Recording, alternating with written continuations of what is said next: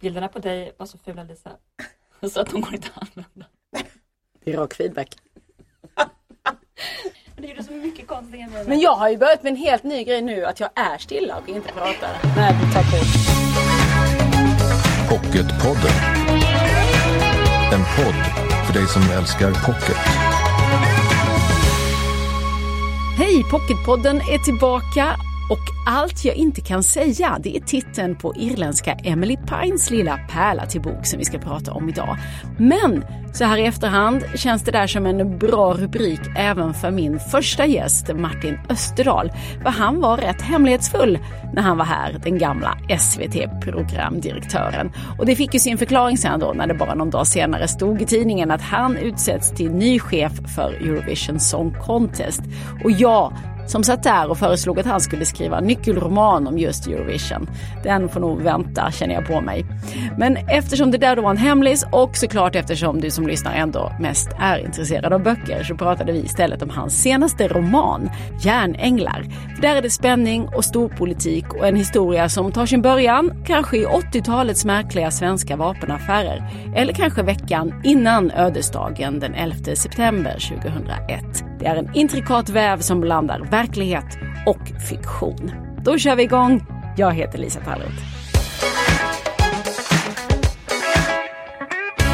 Ja, i spänningsromanen Järnänglar så kastas vi ju tillbaka i tiden. Det är mycket 80-tal men framförallt befinner vi oss i känslan av annalkande katastrof dagarna innan den 11 september 2001. Och här visade det sig att Sverige och en hemlig svensk gruppering spelar en stor roll i händelsernas utveckling. Och hjärnan bakom detta är författaren Martin Österdahl. Välkommen till Pocketpodden. Tack så mycket. Vi ska strax prata om järnänglar, men jag bara tänkte nu är detta din tredje roman. Den första kom 2016, Be inte om nåd. Och det var ju då en stor överraskning för många i din omvärld, inte minst dina kollegor, för du hade ju full fart i en annan karriär. Du var programdirektör på Sveriges Television och du har varit projektledare för både Melodifestivalen och Eurovision Song Contest. Mm. Men så lämnade du detta för att bli författare på heltid och tredje boken har vi nu här på bordet. Ja. Betyder det att det var rätt beslut att hoppa av tv och chefslivet? Ja, alltså det var det ju, eh, tycker jag. Eh, eftersom det här var ju min, har alltid varit min stora passion och dröm att skriva böcker. Alltid, alltid älskat att skriva och älskat att berätta berättelser. Och eh, det tyckte jag nog att jag gjorde rätt mycket i mitt jobb inom tv också, för det är ju i slutändan storytelling som man jobbar med där också. Men att skriva böcker hade jag alltid velat göra och det känns som att tiden var, tiden var rätt. Och, eh, jag har väl inte helt släppt eh, greppet om, eh, om, om den världen. Och jag tycker om att göra många olika saker och jag tycker om att att vara väldigt aktiv och jag gillar att jobba i ett högt tempo och göra mycket. Så att jag kombinerar lite grann fortfarande, men det är skrivandet som är viktigast. Absolut. Mm även om du har många saker för dig så undrar jag om det hände någonting med ditt skrivande när du bestämde dig för att du skulle bli författare och inte bara skriva sådär lite smussligt på hemliga stunder eller på lediga stunder utan att berätta för någon. Ja, eh, nej men det gör det ju. För mig var det i alla fall verkligen så att när jag väl tog steget eh, och gjorde förändringen, då, då hände allting som jag hade väntat på så skulle hända. Men, kreativ Ja, nej, men nej, inte bara det kreativa men att det faktiskt är, och jag tror, jag tror att det ligger mycket i det, det är många andra som har sagt samma sak, att när, när du väl bestämmer för dig själv att du ska ta steget och göra förändringen och, och, och när du sen gör det och, och går ut till omvärlden och, och, och berättar om det och sträcker ut en hand till, till nya människor och till nya kontaktytor så händer det saker. Och det händer inte innan. Man måste liksom man måste ta initiativet. Eh, så jag, jag gick ju omkring i min eh, tv-chefs eh, tillvaro och trodde att, att jag kan sitta och skriva sådär mellan fem och sju på morgonen och sen väcka barnen och åka iväg till jobbet och, och jobba och sen komma hem och, och sen skriva igen på, på natten och sen hålla på sådär i, tills jag landade min stora bokdeal. Men, men så blev det ju inte. Åren bara gick ju liksom. Men när jag väl bestämde mig för att satsa på det, då gick det. Och så är det ofta. Man måste bara våga det är ganska komplicerade böcker att skriva sådär lite på vänsterhanden också därför att de är ganska researchtunga. Det är mm. mycket material mm. som du har fått in här i de här historierna. Och Järnänglar då som är den tredje, tredje gången vi möter Max Anger. din eh, hjälte. Han är ju tidigare militär. Nu jobbar han med säkerhets och omvärldsanalys kan man väl säga på ett litet företag. Och just här nu i den här romanen så har han slutfört en rapport på uppdrag av regeringskansliet och det handlar om vapenexport. Så man fattar ju direkt att det här kommer bli superkänsligt. Eller hur? Ja. Eh, och sen så eh, bär ju Max också på ett privat trauma. Eller några stycken faktiskt. Eh, vi ska inte, de- här har varit uppe redan i de tidigare böckerna och de eh, får vi ju veta mer om nu. Eh, och utan att spoila det så ändå kan du presentera lite Max, vad är han för en typ? Men Max är, Max är en typ som, han vet inte vem han är. Och det där har alltid fascinerat mig, att, att försöka utforska en karaktär som inte riktigt själv vet vem han är. Han känner inte till sin bakgrund helt och Nej, och, han, och, det, och det är det som gnager på honom hela tiden. Så under de här böckerna så försöker han ju gradvis mer och mer liksom fylla upp den här bilden av vem, vem han egentligen är. Eh, varför han hamnade på den här avlägsna skärgårdsön i sin uppväxt, där han, där han liksom uppfostrades på ett väldigt märkligt sätt med, med en mamma och pappa som levde väldigt isolerat och inte var en, en del av det svenska samhället egentligen. Som så hela tiden då den här ständiga präglingen av att Ryssland bor på andra sidan vattnet. Vi måste hålla utkik över havet. Det är vårt uppdrag. Och det där, det där har präglat honom väldigt mycket, men han har inte riktigt förstått varför och vad det innebär. Ja, så att han är en, en komplex karaktär. Och sen så utspelar sig då det mesta av boken där den här veckan innan 11 september 2001. Jag tänkte att vi ska återvända till det, men det är ju en annan viktig och verklig händelse som hela den här historien bygger på. Eh, det som kom att kallas Data Saab-affären. Den inträffade 1977 och den avslöjades sen i svensk media tre år senare. Vad var det för någonting? Eh, Data Saab-skandalen var, eh, företaget Saab hade en avdelning som, som utvecklade datasystem för flygledning. Eh, det gjordes en affär mellan Sverige och Sovjetunionen om att leverera ett system för flyglednings, eller flygledningssystem till Sovjetunionen. Det här var en stor affär, en stor infrastrukturaffär som Sverige gjorde med Sovjet. Och med regeringens goda minne, jag tror att Olof Palme själv bjöd över en sovjetisk delegation för att besöka företaget Saab och titta på det här och affären gjordes upp. Det var bara det att när den här affären skulle slutföras då så var det så att tekniken som Saab använde sig av var beroende av amerikanska underleverantörer för att fungera. Och amerikanerna hade ganska tuffa villkor för hur deras teknik fick exporteras från USA. Vilka som fick köpa och hur, hur den fick hanteras. Man fick absolut inte exportera den vidare om man köpte den. Och dessutom befinner vi oss i kalla kriget här nu. Ja, så ja, det, här, det här var ju regler som, som gjordes upp efter andra världskriget. För, för Amerika var, var oroliga för att deras teknik skulle hamna i fel händer. Och det var ju Sovjetunionen då som var den stora faran. Och Sverige var ju ett neutralt land. Så alltså man var inte med i den västeuropeiska liksom, samarbetsorganisationen som skötte den här typen av export. Utan man hade bilaterala avtal med USA för den här exporten. Det var faktiskt Dag Hammarskjöld som, som skötte det där. Så Sverige hade individuella, individuella avtal med USA om, om hur man fick importera amerikansk teknik och där stod naturligtvis att man absolut inte fick exportera vidare, framförallt inte till fienden Sovjet. Och man var ju rädd från, från USAs sida att Sverige skulle vara ett transitland för den här tekniken. Och det var ju precis det som hände i Data Saab-skandalen, att det var ett antal kretskort som det här flygledningssystemet var beroende av och de hamnade till slut i Sovjet. Med svenska eh, tjänstemäns hjälp. Ja, exakt, hur, exakt Mm. hur tror jag inte någon egentligen vet. Det finns lite olika teorier om hur det där gick till. En populär teori är att det helt enkelt gick via UDs eh, diplomatpost från Sverige till ambassaden i Moskva och sen vidare till, till det här flygledningssystemet. Men amerikanerna upptäckte ju det här. Och de upptäckte det i samband med att Sovjet då invaderade eh, Afghanistan, Afga- Afghanistankriget. Och när, när de upptäckte hur välkoordinerad den sovjetiska flygattacken över Afghanistan var så förstod de att Sovjet plötsligt hade hoppat liksom fem år framåt i den tekniska utvecklingen och det hade de inte kunnat gjort utan hjälp från utlandet. Och det visade sig att det var det här svenska flygledningssystemet som, som Sverige naturligtvis så hävdade skulle användas till civilflyget. Huruvida svenska myndigheterna kände till att Sovjet tänkte använda det här till, till i militära syften, det vet jag inte. Men det var, det var det de gjorde. Och det här hände alltså då slutet av 70-talet, Mm. 80-talet och sen är det kriget i Afghanistan på 80-talet. Och, och, du, och jag är ju hyfsat jämngamla tror jag, födda på 70-talet. Så Mm. att jag tänker att för vår generation har nog den här historien i mångt och mycket försvunnit. Vi känner inte till den. Hur kom du i kontakt med den? Ja, jag är ju lite, är lite nörd när det gäller kalla kriget och, eh, och tycker att de här berättelserna är väldigt spännande.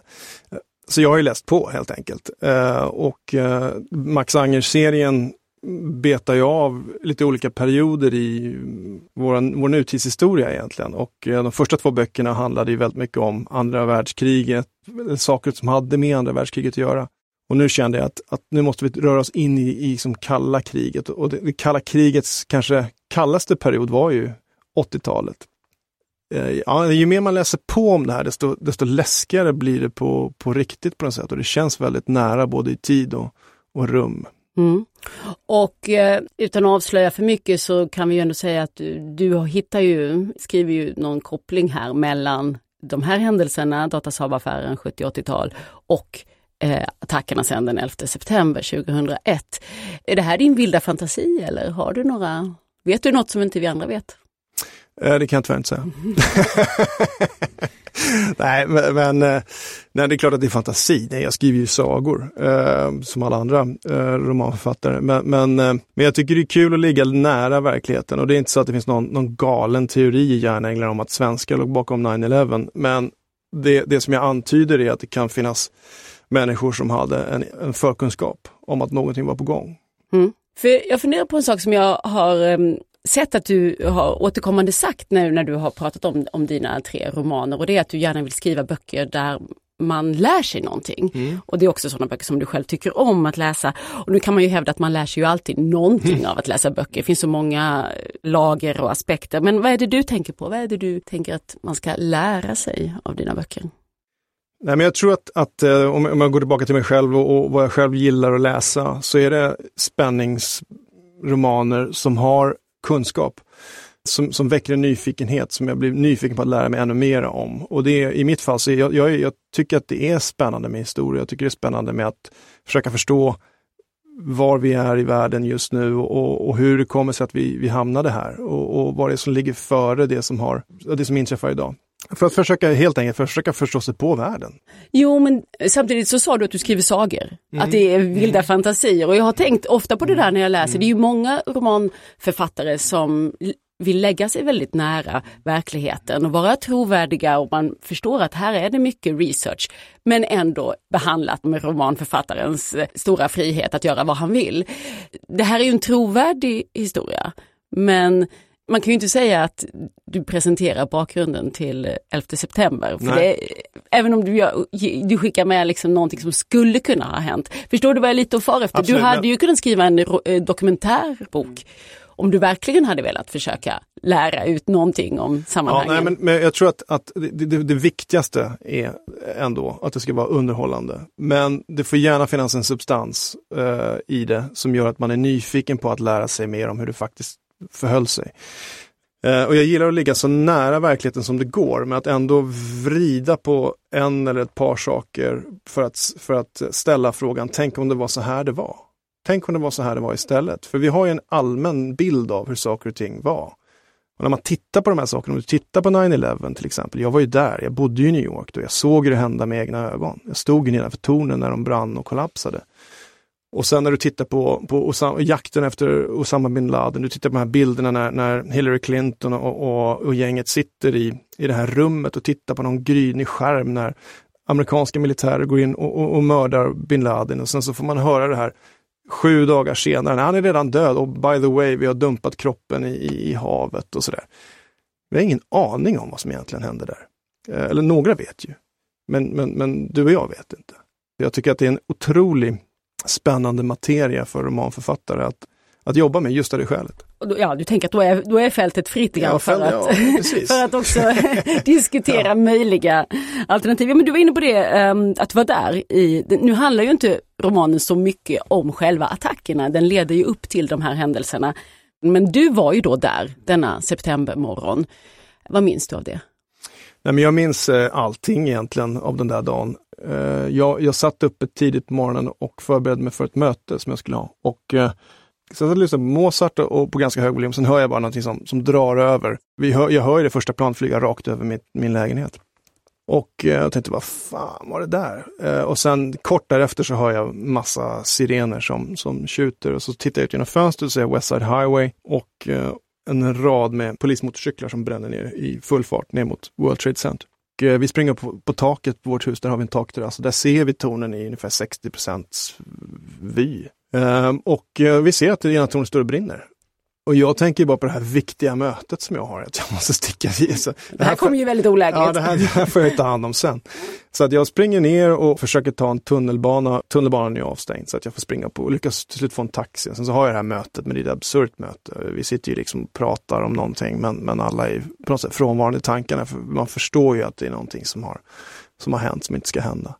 Men, även den här vandringen som jag gick igenom Manhattan på väg hem så var det ju rykten om att det var bilbomber längs med hela Central Park. Det var rykten om att postcentralen var också bombhotad. Så jag fick gå någon sorts slingerbana för att försöka undvika alla potentiella targets. Men, och då, alltså, man, man förstår inte. Ja, men, men, men, men sen så efteråt så sjönk det in att, att jag befann mig i stort sett i en krigszon. Och det har jag aldrig gjort förut. Det var en ny upplevelse. Uh, och sen när jag skrev den här boken, när, när jag liksom gjorde min research och skrev Järnänglar, då, då återupplevde jag väldigt mycket av de här minnena. Tittade på gamla klipp och sånt där. Det hade jag inte gjort sedan dess. Och då, då kände jag väldigt mycket känslor. Det var, det var smärtsamt faktiskt. Det var det. Boken utspelade sig ju då för, ja nu är det snart 19 år sedan, mm. 2001. Mm. Vad fick du syn på när du skulle skriva om det här? Backa bandet 20 år och, och försöka ja, det... få fram den tiden som var då? Ja, men det är ett par saker som, som, som har gjort att jag känner att det var dags att skriva den här boken nu. Och dels för att det har gått så lång tid. Det var en fruktansvärd katastrof som inträffade. Nästan 3000 människor gick ju bort. Och ett, ett av mina starkaste minnen av att vara i New York var ju när, vi, när jag och min tjej gick till St. Vincents sjukhus för att ge blod för att uh, underlätta för de skadade som skulle komma från uh, Twin Towers. Då står ju läkare och sjuksköterskor ute på gatan med bårar och väntar på överlevande som, som de ska ta hand om, men det kommer ju inga. Därför att det, det var ju nästan inga som överlevde. Det, alltså, människor gick ju bara upp i rök. Så att dels tror jag, för att händelsen var så fruktansvärd i sig, så har man liksom inte kunnat gå nära den och, och prata om den av, av respekt liksom för, för all den tragik som den är kopplad till. Men också så är det så att man, nu kan man se hur mycket världen verkligen har förändrats på grund av 9-11. Och jag minns ju också att redan dagen efter attackerna så var det protester i Union Square med liksom don't, don't bomb Afghanistan. Och, och hela världens sympatier var ju med USA i det ögonblicket. Men USA väljer ändå att gå en väg som är väldigt konfliktinriktad och eh, war on terror som har liksom förändrat vår värld på ett väldigt, väldigt stort sätt. Det har förändrat hur vi behandlar kriminella, hur vi behandlar människor i fångenskap, hur vi, hur vi förhör människor, hur vi avlyssnar. Vårt samhälle har förändrats på väldigt många sätt efter den här händelsen. Och det är ju tyvärr också så att vi måste konstatera att terroristerna till stor del har fått det de har velat i och med att vi nu återigen bygger upp murar. Den, den öppna glo globala världssamhället håller på att krackelera och det blir mycket mer nationalstater, mycket mera nationella intressen som är prioriterade framför internationella samarbeten. America first, ja, miljösamverkan och så vidare går, går ju tyvärr tillbaka. Och, och mycket av det här är ju en direkt följd av 9-11 och kriget mot terrorism. Samtidigt som du i romanen också lyfter fram de händelser som kunde ha föregått detta. Det mm. var ingenting som kom bara som en blixt från klar himmel Nej. egentligen. Men, men jag bara tänkte, för vi är ju väldigt mycket i Sverige mm. och eh, du har ju en av dina karaktärer eh, på regeringskansliet. Till exempel, vi har den där rapporten om vapenexport. Var var vi där någonstans för nästan 20 år sedan? Ja, men nå någonting som är genomgående i den här serien är ju också frågan om svensk neutralitet och, och frågan om det svenska globala samvetet på något sätt. Och jag har väl ingen, jag har ingen stark politisk eh, agenda eh, i de här böckerna, men däremot tycker jag att det är väldigt intressanta frågor att, att eh, diskutera och belysa. Och eh, i, i, den här boken så, så, så, kommer vi då till det här med svensk vapenexport som är en av, vi är en av världens största vapenexportörer. Eh, och de vapen vi säljer är några av världens mest avancerade vapen. Eh, och vi försöker sälja dem till länder som inte ska använda dem till att kriga med. Det är en orimlighet naturligtvis och alla är medvetna om det. Men ändå så, så, eh, så accepterar vi det på något sätt.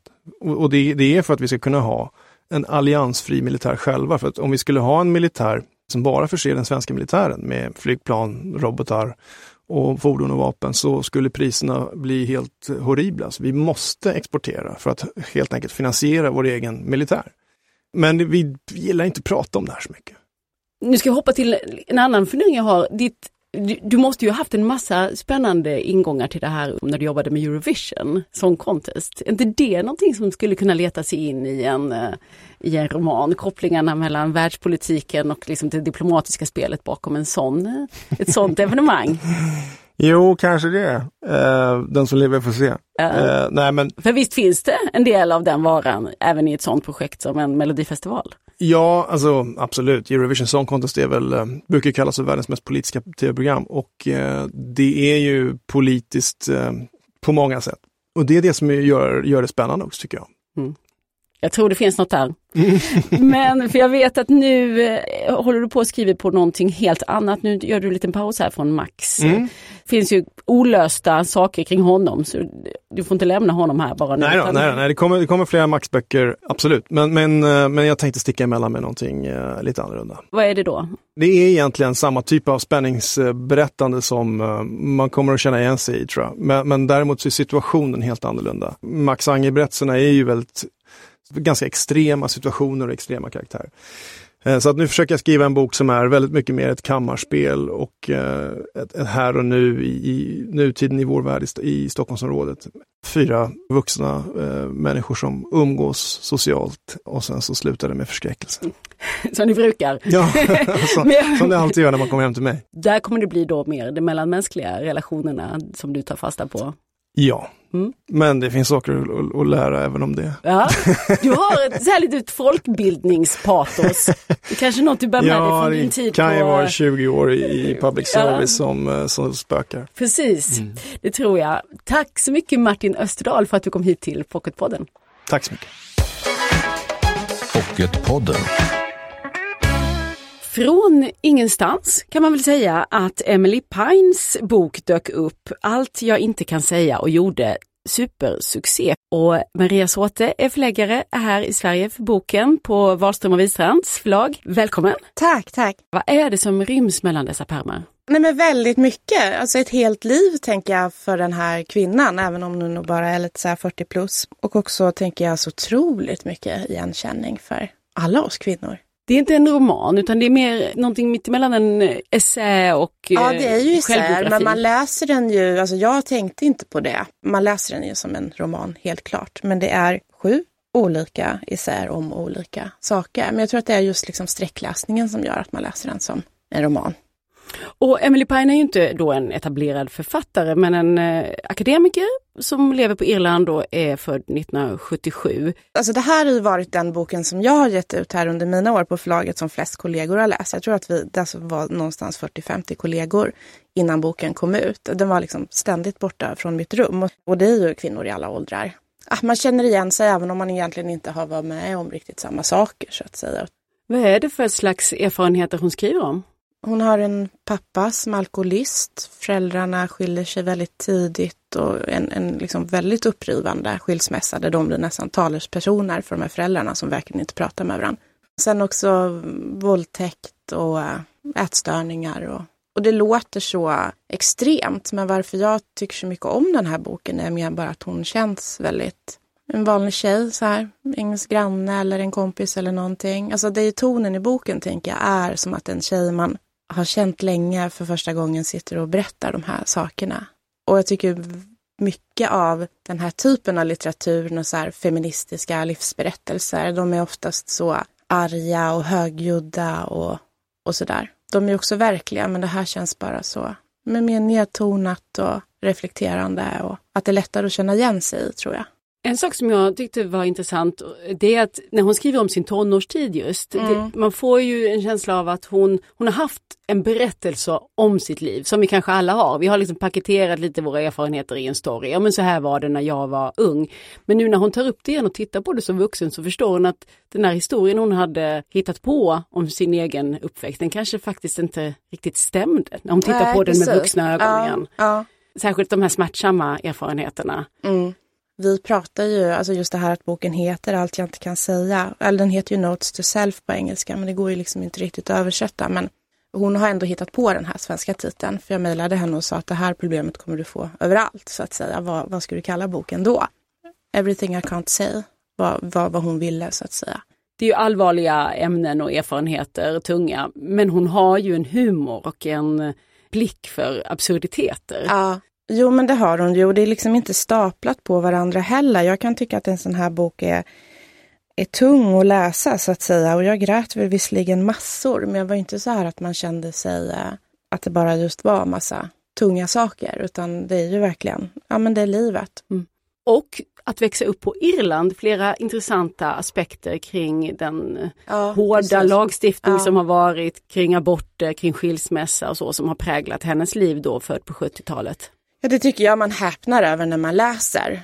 Emily Pine alltså, allt jag inte kan säga. Vi båda varmt rekommenderar denna. Ja, verkligen. Jo men det gör vi. Det här är en bok som stannar kvar. Tack så mycket Maria Såte, förläggare Tack. Nytt avsnitt av Pocketpodden kommer ju varje fredag, så har du missat något avsnitt vet du att alltihopa finns där du har dina poddar. Mängder av aktuella författare, intervjuer och snack om böcker förstås. Nya böcker, nya författare och nytt avsnitt nästa fredag. I sociala medier heter vi Älska Pocket och jag heter Lisa Tallroth. Hej så länge! Du har lyssnat på Pocketpodden. En podd från Bonnierförlagen.